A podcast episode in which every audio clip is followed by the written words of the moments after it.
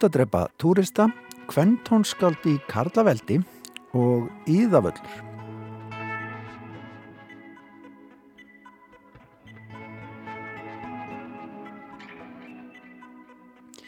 Dag kemur út bókin Út að drepa túrista eftir rítumundin, myndskreitin og leðsugumannin Þórarinn Leifsson. Bókin er glæpasaga sem gerist innan íslenskrar ferðarþjónustu um það leitið sem kórunveran lamaði öll ferðarlög um Ísland og um heimsbyðina alla vorið 2020. Við ræðum við Þóran Lefsson um nýju bókina í þætti dagsins. Árni Heimir Ingólfsson tónlistafræðingur verður tekinn tali um útastættina Kvenn tónskáld í Karlaveldi sem hefjast á rás 1 á lögadagsmorgun en þar greinir árni frá æfi og tónlist fjölmarkra merkra kventónskalda á 19. öld sem margar hverjar hafa fengið starri sess í sögunni á allra síðustu árum Symfóníu hljómsutir við um heim til dæmis farnar að leika verk þeirra, loksins. Það er mikil enduníun á þessu sviði og Árni segir okkur frá henni í þætti dagsins Forvittnir er þættir á lögadögum og svo hlustunar þættir sérstakir sem átni setur saman og verða átt að skrá rásaritt á sunnudaskvöldum. Og loksmun Ólöf Gerður Sigfúrsdóttir flytja okkur pistil um samsýninguna Íðavöll sem hefur staðið yfir í Hafnarhúsi Listasaps Reykjavíkur við Tryggvagötu á síðustu vikum og mánuðum. En fyrst klæni bók Þórarinn Lefsson út að drepa túrista.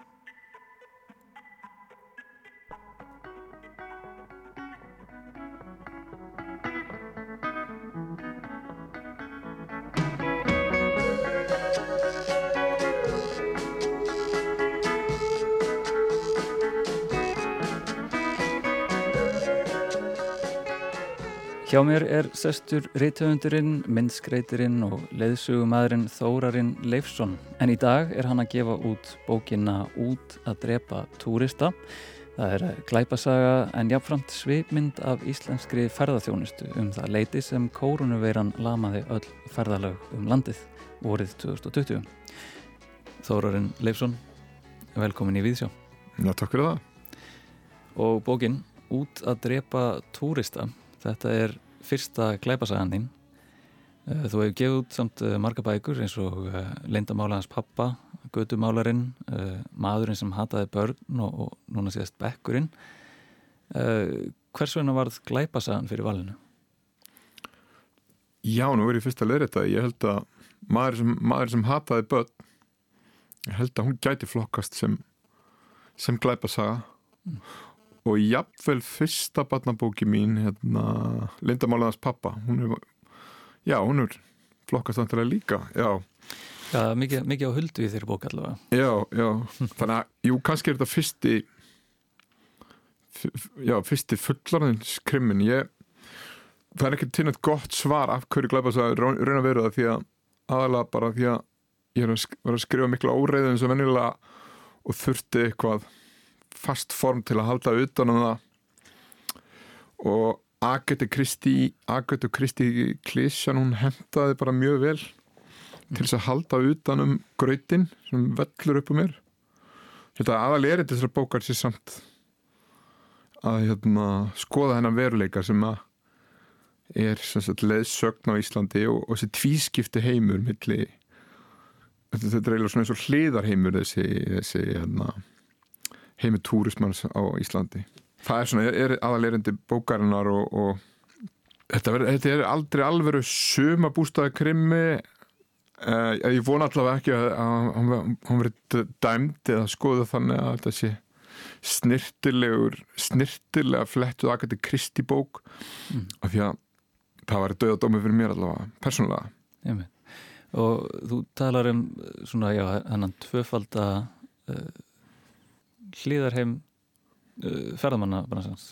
Já, það er gott af mig bara núna í sumara því að vinn sem löðsum að ég var í viku með spænskumálandi hóp og og það vil svo til að það er mikið verið að ráða unga spánveri á öll hótel í kringum landið og það aðalega hjá þessari ágætu keðju hérna, fosshótel við, við vorum mikið með fosshótel í þessari ferð og, og það er eiginlega þeir hafa verið mjög duglegir einhverjum ástæðum ég veit ekki hvernig það kemur til, einhver tengslamit en að ráða unga spánverja.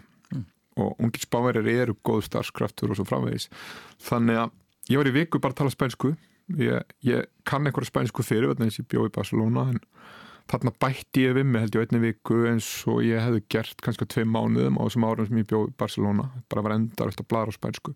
Kom aftur til Reykjavíkur og var alveg og glæður og, og ég hérna sagði bara uno þegar ég átti að segja einn um fólk og, og þetta er líka líka með þetta þeim í bókinni þar sem ég er að tala um pólverjana og, og austurörbubúana þannig að það er eitt svona eitt svona áhugavert þema. Það er mörg þemu í þessari bók og marg, ma, margar pælingar allar áttir en, en tengjast allar þessu lífi mínu sem leðsögum að þessu akkors vinnu lífi sem ég er búin að lifa í nokkur ár og já, það er, að, það er að miklu að taka en, en ég tók eftir því einmitt að Kalman, einn af söguhetjum bókarinnar uh, er leðsögumæður einmitt og þeir eru að leggja þannig að stað hann og, og Magnús í upphæfi bókar út í, já, kannski svolítið hættulegt veður á lélugum bíl með hóp af ferðamönnum. Og, en Kalman virðist vera frekar svona þreyttur á þessum bransa og uh, sér kannski svolítið eftir að hafa tekið þetta verkefni að sér. Uh, þannig að mér langaði að spyrja já, bara þig sem höfund bókarinnar ertu, ertu orðin þreyttur á, á ferðamannabransan? uh, Nei, ég hef mjög oft verið þarna og allir gætar þeir þekkja þetta ástand, það er kallað að brenna upp. Þess að þú tekur að þér og marga túra og þá kemur að því að þú þú bara finnur, þú lærir það líka já, ég betri í því líka núna, núna verður að taka pásu. Og ég haf með indislegan hóparindar, ég haf með þýskumalandi hóp og þau verður indisleg en ég fann alveg þú veist að, hérna, þegar ég var að kveða, nú verð ég nú verð ég að fá bara frið, ég verð að fá já, vera einn sérstaklega þessi túrista í einan tvær vikur. Og hérna, já, þessna þjóðstartaði ég líka útgáðinni, hún er eiginlega ég held útgáðparti á vik, vikáðurinn að bókinu var drift í búðir. Jum. En uh, hún kemur já formulega út í, í dag hins vegar, er það ekki? Já, forlæði dreifi bókinu í búðir í dag, þriðu dag Ná, hún ætti að vera bara út í næstu bókabúð. Hún ætti að vera núna, ég veit ekki hvað er snöggir, þá stendi hann á hotnunu skólaverið stíks einhver stór og fylgis með, eins og höfundar gera alltaf að stendi hann og fylgis með hvort bókinni sér aða rétt.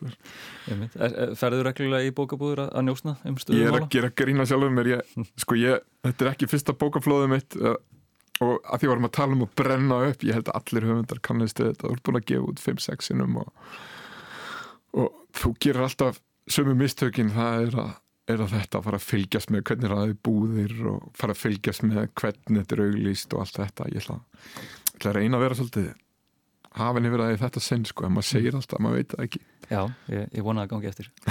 En uh, annað sem ég rak, rak augunni í, í kynningatekstum þessa bók er að um, segir að hún sé ansvar við uh, Nordic Noir glæpasögunni eða eitthvað leiti og Nordic Noir glæpasögur eru bækur sem eru gerðan skrifaðar frá sjónarhortni lauruglunar, gerast á nor einhverju norðurlandi í hrjóstu landslægi, þungu veðri. Og glæpirnir og personurnar eru gerðan svona í myrkari kantinum, þetta er, er allt mjög þungt í þessum bókum. Já. En uh, Nordic Noir er búið að vera í mikil tísku undanfærin ár og finnst þér vera komin tíma á að lækka þess niður í því fári? Nú skulum við bara vera alveg heiðarleir þetta er náttúrulega er auðvilsingatrykk hjá mér. Mm. og, og hérna ég er að hoppa á líkvagn hérna Nordic Noir. Að það er í tísku að, tala niður Nordic Noir og, og hérna ég er bara gríp tækifærið að hoppa, hoppa á líkvagninu en auðvitað er rúgla hvern, hvernig getur þú skrifað anstæðu Nordic Noir, þetta er ekki sko, ég er ekki, ég hef ekki les, þú veist ekki verið, aldrei verið á kafi, hef aldrei getað klárað bók eftir eftir Arnald eða, eða fullur verðingu, ég veit, veit ekki hvað er en ég horfi mikið á krimma og, og, og hérna, mér langaði að skrifa bók sem virkaði sem virkaði hérna, eins og þú veist að þegar þú ert þegar þú ert að hámhorfa í, í, í COVID og, Mm og mér langaði að gera svona eins og, já ég ákvaði að skrifa alltaf að hver kapli var aldrei lengur en þúsund orð. Og það væri svona að hámlesa og þú getur hoppað á einu sjónarhóttni annað nýr karakter. Kannski að því að síðasta bók sem ég skrifaði var bara eitthvað svona torf, svona endalus kabla, endalus bladur, það langar mig til að gera eitthvað sem væri svona þjættara og ég sá alltaf, það sem ég sá alltaf fyrir mig var sko annars verður svona Netflix hámþættir þú veist svona stuttarserjur, true crime eða eitthvað sliðis og svo hins vegar það sem ég dáðst mest af í, í, í sem gera og alveg frá því ég sá myndina fyrst Fargo og síðan seríuna sem kom á eftir inn á Netflix sem að maður flýtti sér að fordama fyrst, það getur aldrei verið eins gott og og frumundin skilur mm. uh, mér langaði að, ná einhverju svona að væri hægt að hámlesa þetta og þá er allt í lagi að, að, bókin hendi hálgjörur ruggli eins og allar, allar mína bækur skilur þú er búin að selja lesendanum það að hann fari með í þetta í, í þetta trillta ferðalag. Og hérna þess að segja, ég vona þó ég hef notað Agatha Christie klísjuna ég vona, þú veist, það verður aldrei einhver svona snirtileg, jú, ég nota plott dæmið, hérna ótrúlegustu vendingar hérna, dress to kill trick og alls konar í þessari bók til þess að láta það ganga upp en, en, ég, en þú veist þetta er þessi tót, tóta leif suppuskapur og einhver lesandi, eitt minn besti lesandi þú veist hverðu það ert var að segja að þetta veri rög rétt framhald af batabókunum sem ég skrifaði þessu vinsalustu batabókunum að þessu leiti mm -hmm. þessi fantasíu heimur á þess að þetta séðu þetta batabók þá þá fara höfundur enginn ekki af sko, þau totla sem byttu fyrir á. Þannig að þetta verður aldrei sko, mér langar ekki að vera höfundur sem er allra mér langar til þess að vera Tóti Leif, Þóran Leifsson. Er, þess vegna er maður að þessu. Þess vegna leifir maður að því að þú veist, skeina túristum.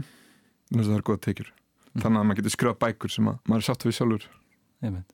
og þú talar um að, að þetta komi, að komi mikið svona frá þér í, í einu og þetta sé oft svolítið kaotík. Ertu, ertu ég er brjálar að...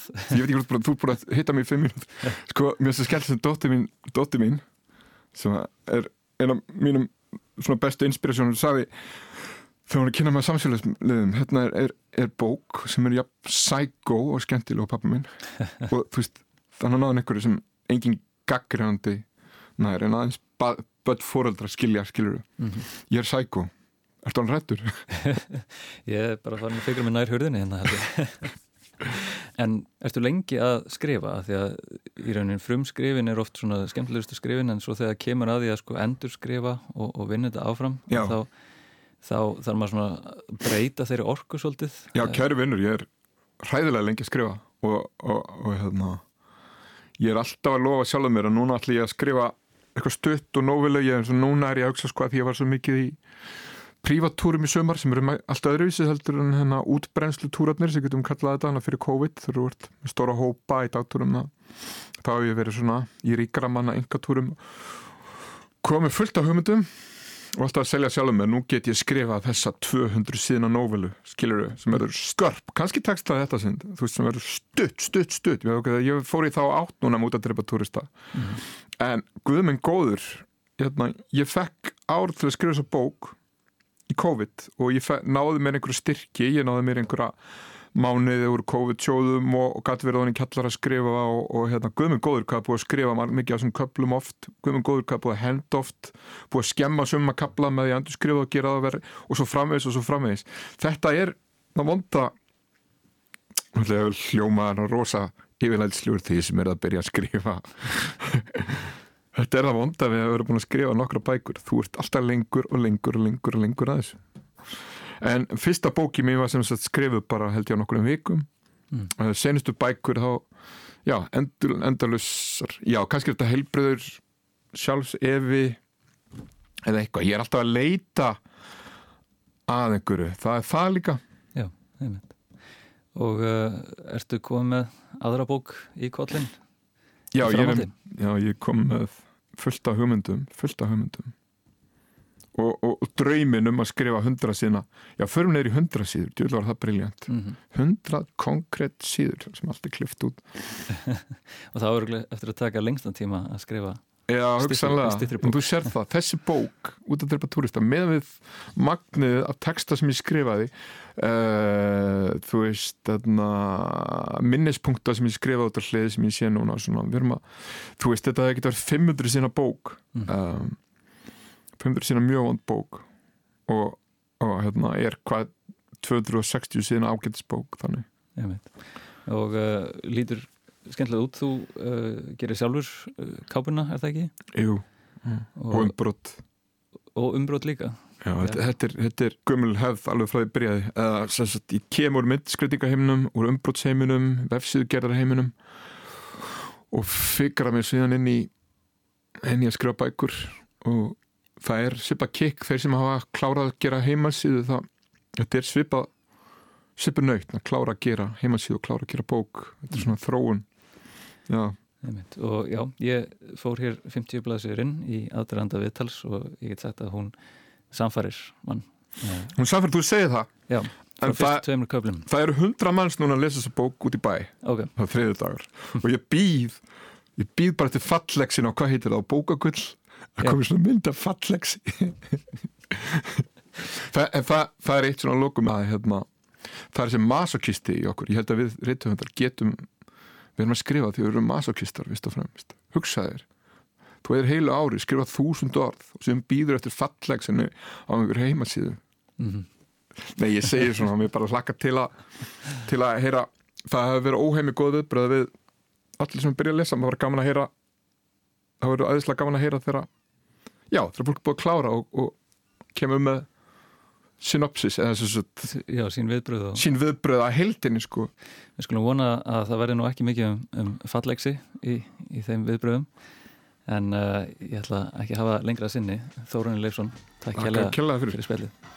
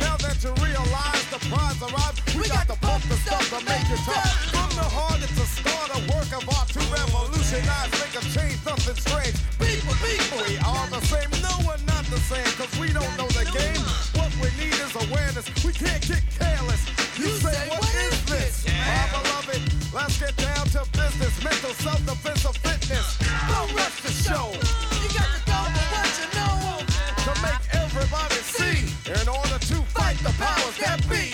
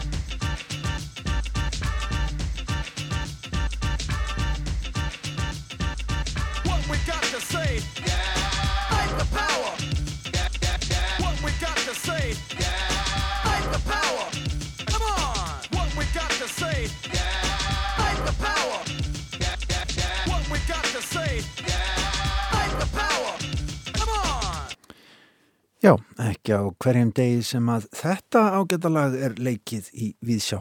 Fight the Power með drenginum frá Long Island í New York fylki, Public Enemy. Lag af plötunni Fear of a Black Planet frá árinu 1990, að mörgum talið eitt áhrifaríkasta lag rapsenunar alveg frá upphafi. En það komið að myndlist hér í Víðsjá. Ólöf Gerður Sigfúrsdóttir, hún rínir í sjónlistir hér fyrir okkur í þættinum. Hún fór í Hafnarhúsið og skoðaði síningu sem ætlaði er að taka saman eins konar tíðaranda í íslenskri myndlist nú um stundir. Gefum Ólöfu Gerði orðið. Frá því í júni í síðaslinum hefur staðið yfir umfangsmikil síning á íslenskri samtímalist í Hafnarhúsi Listasaps Reykjavíkur. Sýningin ber yfirskriftina Íðavöllur og er forvitnileg fyrir margra hluta sakir. Sýningarkonseptið er aðtiklisvert, yfirskriftin grípandi og yfirbráðið hressilegt og þá er listamannahópurinn stór og verkin öll ný. Tilvísunin í Íðavöll er sótt úr norrætni góðafræði og vísar til þess staðar sem æsirnir komu saman á við frumsköpun heimsins og svo aftur til að endurskapa heimsmyndina eftir Ragnarök eins og kemur fram í Völusbá. Þessi síning er afar yfirgripsmikil og flæður um allt hafnarhús auk þess sem vegleg síningarskrá er gefin út í tilefni hennar og viðfáðsefni sjálft er sömuleiðis stórt, íslensk myndlist á 2001. öld. Hér er búið að velja til leiks 14 listamenn sem sapnið til að vera leiðandi afl sinnar kynnslóðar, listamenn sem hafa mótað listalífið hér á landi í upphafi nýrar aldar, eins og segir í síningaskrá. Og markmiðið er að gefa áhörfundum insinn í heimsmynd þessarar kynnslóðar, eins og hún endurspiklast í verkum listamannana. Kynnslóðin sem umræðir er nokkuð óræð í sjálfu sér. Hún fellur einhver staðar á milli X og Y kynnslóðina en yngsti listamæðurinn er fættur árið 1984 og sá elsti 1973.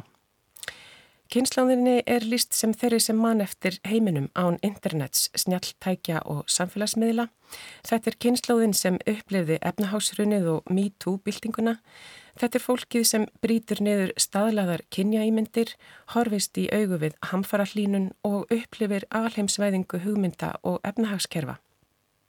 Og hér býður safnið sig fram sem vettvang, sem eins konar völl fyrir þessa útveldu listamenn að aðtapna sig á, með formörkjum eins og umbreyting, andstaða, inngrip, uppskurður og nýjar vittir eins og kemur fram í kynningateksta. Heimsmyndin sem þarnaði varpað upp er flókin og marglaga en í sumum tilfellum þótti mér erfitt að sjá tengingar millir hennar og einstakra verka. Stundum hafði ég þá tilfinningunni að síningarkonseptið væri eftirvill of fyrirferða mikið sem umgjörð utanum verkin og listamennina sem fulltrúa heilar kynnslóðar. Ekki gæti ég fyndið mikið fyrir því að listamennin væri að hrista upp í kerfum eða pöngast í struktúrum en það segir sennilega meira um eiginleika þessarar kynnslóðar fyrir mér en nokkuð annað. Það vekur hins vegar aðdekli hversu mikið plás hver og einn listamæður fær til að aðtana sig og setja fram sín verk en það fara þau út um víðan völl ef svo má segja. Hér er allt hafnarhúsið undir, einra rými sem á ytra byrði en síningin tegir ánga sína út í portið og upp um glugga sem skilji má sem tilraun sapsins til að tengjast borgaríminu og samfélaginu utan vekja þess. Meðan ég gekk í gegnum síninguna upplýði ég listaminnina frekar einangraða hver frá öðrum. Verk þeirra komu mér fyrir sjónir sem eilönd, fremur en að virt samtal var í gangi þeirra á milli og stundum átti ég erfitt með að tengja þau öll saman. Fyrir vikið virkaði síningin að einhverju leiti á mig eins og blandi póka en slíkt gerist gerðnan á stórum síningum sem hafa tildekna kynsláð fyrir þema. Ég gerði mér að vísa ekki grein fyrir þessari tengingu fyrir en eftir að ég las grípandi texta Kristínar Eiríksdóttur í síningaskrá sem emitt gerir blandi póka af söguefni sínu. Hins vegar þykir mér síningin forvitnileg fyrir þær sakir að hún vekur upp krítiskar spurningar um hlutverk listasafna í samtímanum og það vald sem þau hafa sem ofinberar menningastofnanir. Hér setur listasafn Reykjavíkur síninguna fram af meðvutundum eigin stöðu í listheiminum sem stopnun sem hefur áhrif á rítun listasögunar og hefur vald til að skilgreina kánunur og undirsögur. Ég vil þótt að kunni að virðast eins og þjófstart að ræða enginni íslenskrar myndlistar á 2001. öld þegar einungis tveir áratýjur eru liðnir af öldinni. En það má auðvitað rína í þessa metnaði fullu síningu út frá einhverjum allt öðrum sjónarhornum eins og til dæmis vali á listamennum út frá verkunum sjálfum auðvitað, kynnsljóðavítinni eða fagurfræðinni. Ég hef hins vegar kosið að fjalla um stopninina sjálfa og þá sögn sem fælst í því að setja þessa síninga á darskrá en hún er kæri komið tækifæri til að staldra við og velta upp spurningum um valdi sem fylgir listasöpnum sem opnbörum stopnunum í samfélagi okkar, áhrifum þeirra á listmarkaðin, listasöguna og feril listamannana sjálfra.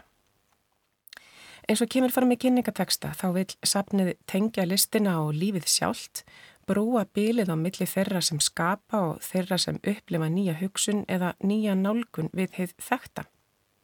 Þótt ég skilji kannski ekki nákvæmlega hvað er átt við hér, þá má enga síður segja að í þessum viðbyrði sem síningin ónættanlega er, sé fólkin tiltekinn sögn, einhvers konar látbráð eða bending um hlutverk sapsins sem nær langt út fyrir þessa tilteknu síningu sem hérum ræðir.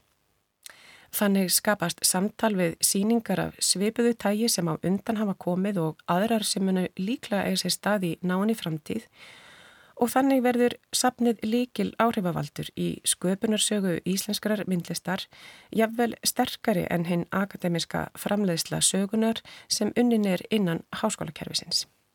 Saði Ólaf Gerður Sigfúrsdóttir í Sjón Ríni Pestli sínum hér fyrir okkur í Víðsjá. Ólöf verður aftur með okkur hér eftir tvær vikur eða svo og heldur áfram að rína í sjónmenningu og segja okkur skoðun sína á því sem fyrir augu ber. En þá ætlum við að huga að tónlist, við leikum hér fallega tónlist og eftir hvern skildi þetta vera?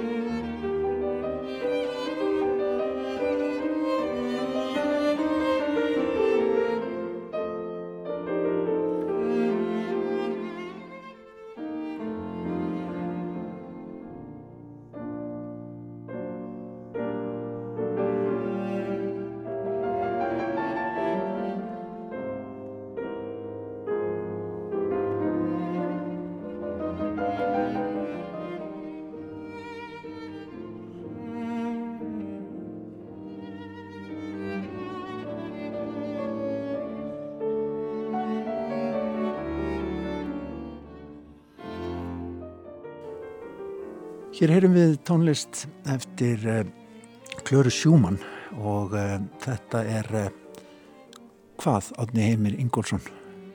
Þetta er Piano Trio eftir Klöru Sjúmann. Já, þú ert að fara... Stæri verkum. Einmitt. Þetta er oft spilað en þú ert að fara að spila fullt af tónlist sem hefur ekkit verið mikið spiluð á undanfjörnum árum hér á rásveit hjá okkur. Ert að fara að taka fyrir tónskáld, hvern tónskáld tónlistasögunar sem eru í mörgum tilfellum eiginlega bara að verða til fyrir framann augun á okkur núna þar að segja við erum að opna flutning á þeim Akkurat, akkurat, það er svona eitt af því ánægulegasta kannski í klassiska tónlistarheiminum undanferðan ár hefur verið þessi þessi mikli uppgangur í rauninni kventónskálda og við erum bara að uppgötva tónlistasöguna svolítið på nýtt út frá þessu sjónarhóttni uh, og, og hljómsveitir hafa verið að, að flytja verkin þeirra og, og, og bara tónlistar fólk út um allan heim og upptökur eru núna aðgengilegar. Loksins er maður einhvern veginn farin ekkert að gert sér einhverja sko heildarmynd af æfi og starfi þessara kvenna sem höfðu áður verið bara leiði í gleimsku og við rauninum á að segja að, að sko, hugmyndina þessum þætti spretti svolítið út frá starfi mínu sem listræður ágjafi hjá Sinfónlust Íslands af því að þar hefur, hefur verið tekinn sá pól í hæðinu undan farin ára að svona, reyna að gera verkum hvenna hæra undir höfði. Mm -hmm. og það hefur kallað á svolítið rannsóknarvinnu af, því að þetta eru yfirlega ekki verk sem maður þekkir bara frá því gamla daga einhvern veginn. Mm -hmm. og þannig að, að það svona kveikti hjá mér þessa hugmynd að, að kannski væri gaman að, að taka fyrir eitthvað afmarka tímabil og, og bara virkilega að reyna að kafa onni það. Og þarna er það sem að í þessum þáttum eru tíu þættir og allar þessar konur eiga það saminlega að þeir eru fættar á 19. öld frá í rauninni byrju 19. öld, elsta sé fætt 1805 mm. og yngsta einhvern tíman upp úr 1890 þannig að það er svona starfa langt inn á 20. ölduna í rauninni þessar yngstu mm -hmm. en, en þetta, er, þetta er gífurlega búin að vera gífurlega áhugaverð stúdíja að, að velta því fyrir sér sko hvaðan, hvaðan koma þessar konur hvernig mótast þær af umhverfi sem er í rauninni reynilega fjandsamlegt þeirri hugmynd að konur geti sami tónlist uh, sem virkar auðvitað fullkomlega galið í dag en, en var það alls ekki þá. Og, og all umræða um tónlist var eitthvað svo, sko, kynja hlutverkin voru svo rosalega stert afmörkuð. Mm. að, að kallmenninnin máttu semja symfóníur og óperur en konur áttu helst að sko, spila á piano af því að það var svona einhvern veginn þokkafylsta heimilisljóðfærið. Það var ekki tekið eins vel í það að spila á fyrlu af því að það er líkamsbeitingin eitthvað öðruvísi og náttúrulega selló voru alveg út um myndinu þá ertu með eitthvað, eitthvað stykki í klófinu og það mátt ekki. Og þannig að þetta svona og, og síðan urðu þær ef þær á annað borð ætluðu að, að stunda tónsmíðar og þá var það í rauninni bara innan heimilisins þannig að það voru kannski píanoverk eða sönglög eða eitthvað.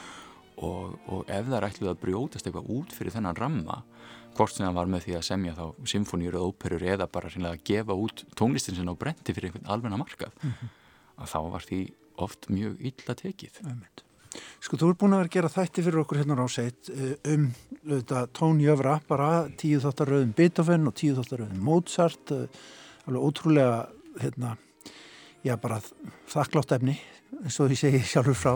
Eh, en hérna, hvernig er það svona, þetta er alþjóðleg í rauninni eins og þú segir, þetta er alþjóðleg bara reyfing eða þróun núna að hljómsutur er að endskoða söguna, tónlistafræðingar er að rannsaka söguna upp og nýtt, setja hana öðruvísi saman náður um, hvernig er það búið að vera fyrir þig að finna þessar konur til eila bara, eitthvað að þeim hefur náttúrulega þekkt eins og Fanny Mendelssohn og, og Klöru Sjúmann og fleiri, uh, kannski. en, en Sjúmann er alveg nýnöfn Jújú, alveg, alveg nýnöfn og, og í rauninni sko það hefði ekki verið hægt held ég að gera svona þátt fyrir 10 árum, eða hvað þá 20 árum af því að sko rannsóknirnar er ekki til, ég meina æfisögurnar eru fyrst að koma út núna á síðustu árum og rannsóknirnar sem líka baki því og verkin ekki aðgengilega á upptökum. Mm -hmm. og ég meina stór hluti af, af upptökunum sem notið sem þáttum er reynilega gefin út á síðustu kannski tveimur árum.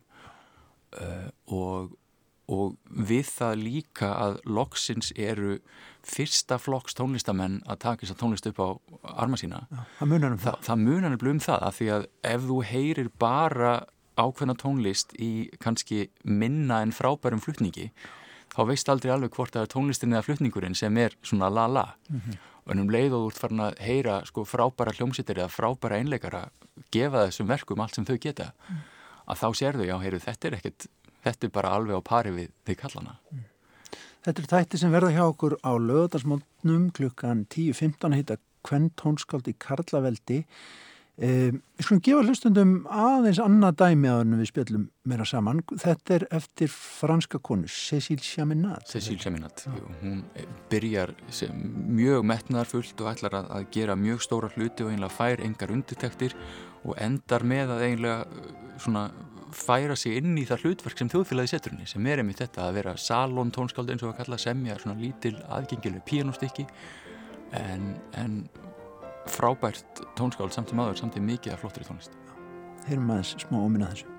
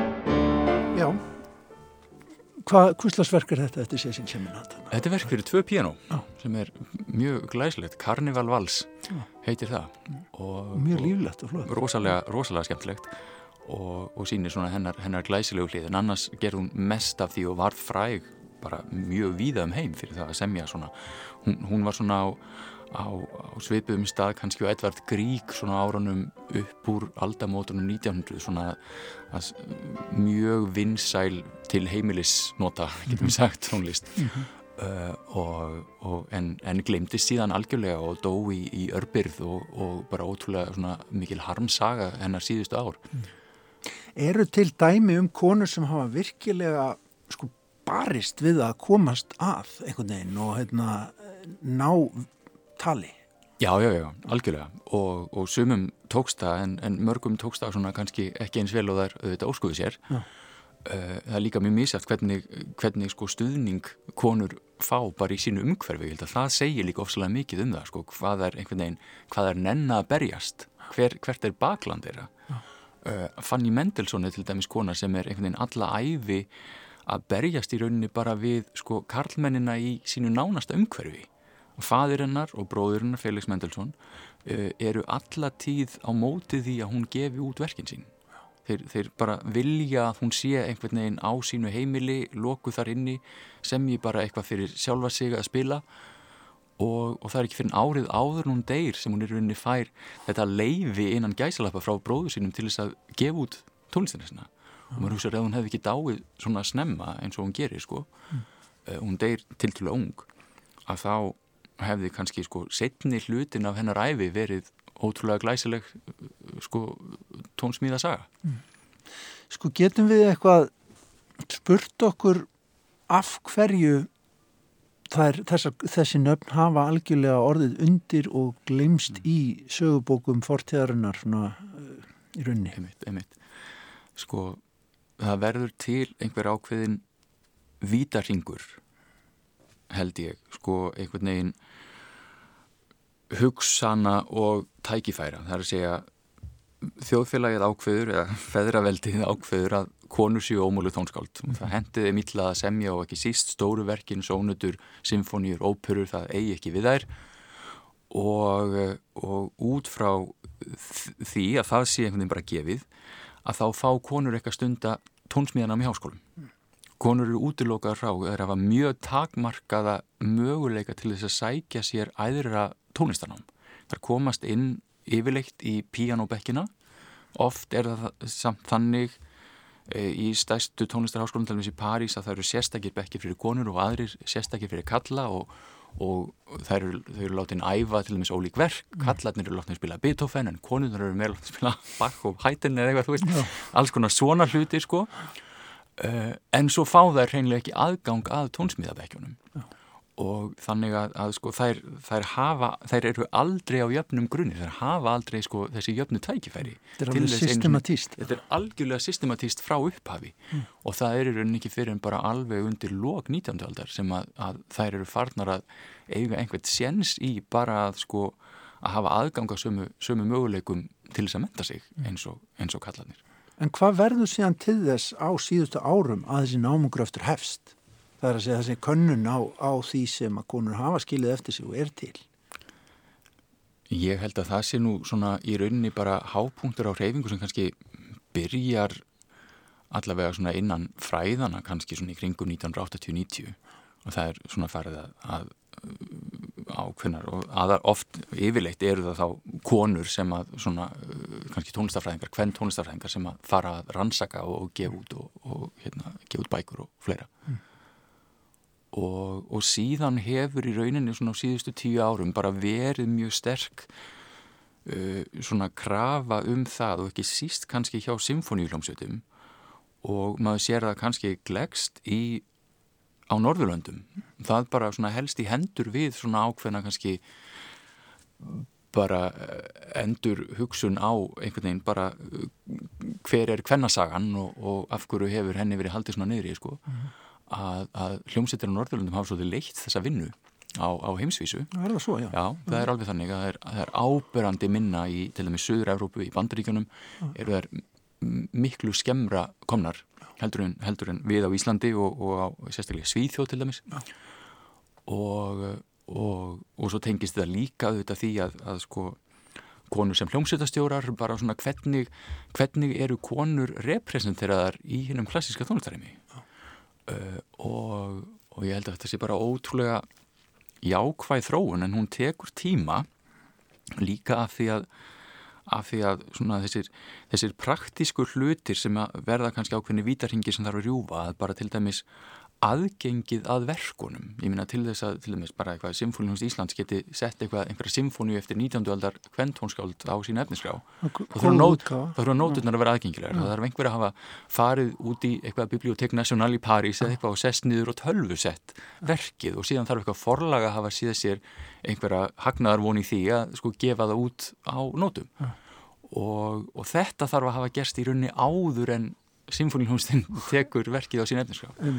uh, og það er bara í rauninni á kannski ég myndi segja síðustu svona tíu árum sem að, að þessi ringekja er farin að snúast á eðlilegan hátt. Þannig að við höfum aðgengi og við vitum að við getum sett eitthvað verk á sko, og það, það verður til. Við, við getum nálgast það þegar að því kemur. Sko, hvernig er síðan tekið í þessa músik þegar hún er spiluð á tónleikum? Eins og hjá ykkur, nú eru þið með talsverða áherslu á þetta inn á milli, Akkurat, akkurat. Ég meina við, við höfum er reynt núna í vetur er, er sko undantekning að það sé ekki verk eftir konu á efnirskroni og oft eru þau kannski svona smærri verk en stundum eru það líka sko stóru bitarnir, bara symfónían eftir hlje sem er, er aðalverkið sko. Og mér finnst það að verið tekið gífurlega vel í það. Við þetta, reynum líka að velja skinsamlega, ég meina við, við, það fer ekki, það er, eru sömu fílterar rauninni fyrir það eins og fyrir kallana, ég meina það, þú vilt bera eitthvað sem er gott á borð fyrir áhærendur sko. Uh, en mér hefur fundist að undirtættina hafi verið, hafi verið gífurlega góðar og við höfum nú þegar flutt til dæmis eftir Louise Farranc sem var mjög vannmetið symfóníutónskáld í Fraklandi á 19.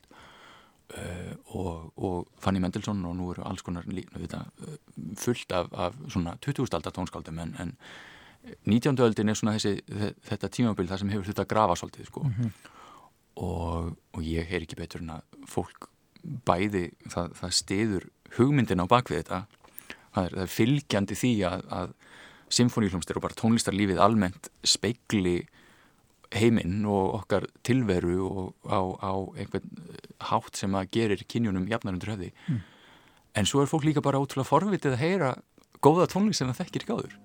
Ég meina ég held að það fari engin á, á tónleika reglubundið til þess að heyra bara tónlist sem hún þekkir og hefur hlustað á hundrasnum heimaðar þú vilt alltaf kynnast einhverju nýju allavega í bland. Og þarna eru þetta bara heil hafsjór af, af, af verkum sem að, að mörg eru bara algjörlega frábær og eiga það skilið að, heyrast oftar. Frábær þróun. Um, þetta verður á Dagskrár Rásar 1 kl. 10.15 á lögutöfum, það eru kvent tónskáld í Karla Veldi, það er alvöru hérna, yfirskrift á þættina, tíu þættir á lögutöfsbóndum, síðan er svona hlustunar þáttur. Já, akkurat. Hvernig er hann að Dagskrár? Þeir eru, þeir eru á sundarskvöldum Já. og heita Þögnin Rófin og af því að í, í þáttunum hvern tónskaldi kallaveldi þá er í rauninni fyrir mestu tímin í það að ég segi sögur. Og, og svona tónlistin ómar bara svona rétt inn á milli, bara svona glefsur. Fólk getur síðan farið inn á, inn á netið bara inn á heimasíðu þáttarins eða inn á dagskrána á rú.is og, og séð hvað ég spila í þeim þáttum af því að ég kynni það ekki eða afkynni hvert einasta lag, það myndi taka alltaf langan tíma. Uh, en síðan eru þessi hlustuna þættir og þá þá tala ég miklu minna og leiði við tónlistinni bara að hljóma þannig að þá hljóma alveg heilu kablanir eða jafnvel heilu verkin eftir þessi tónskáld Alveg frábærlega spennandi. Ég laka til að hlusta á þetta. Átni Heimir Ingólfsson, takk hjálpa fyrir komin í Vísjá. Við fylgjumst með og bendum hlustendum á að já, endumenta sig bara í tónlistsjóni. Algjörlega, algjörlega. Takk fyrir spjallin. Takk sem leiðis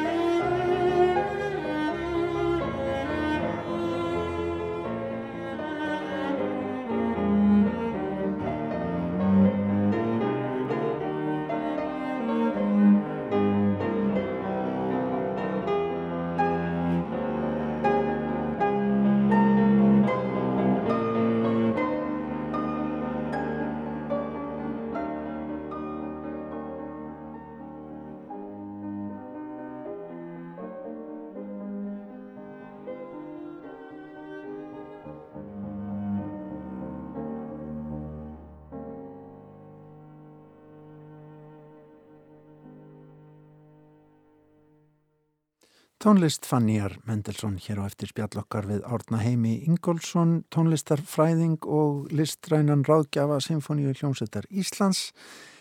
Árni Heimir mun leið okkur í allan sannleikan um hvern tónskáld á 19. öldinni, tónskáld sem oftar en ekki er að skjóta upp kolli í tónlistasögunni bara á okkar voru dögum í þáttum sem hann kallar hvern tónskáld í Karla Veröld og verða á dagskrá rásar 1 kl. 10.15 frá lögadegi. Tíu þættir á lögadagsmotnum en átni setur líka saman sérstaka hlustunarþætti eiginlega þar sem að tónlistin fær að njóta sín enn betur inn í aðalþáttunum.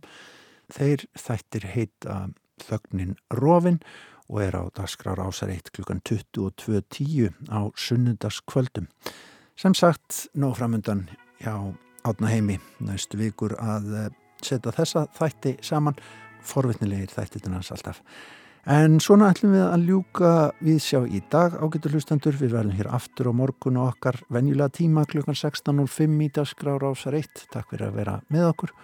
Verið sæl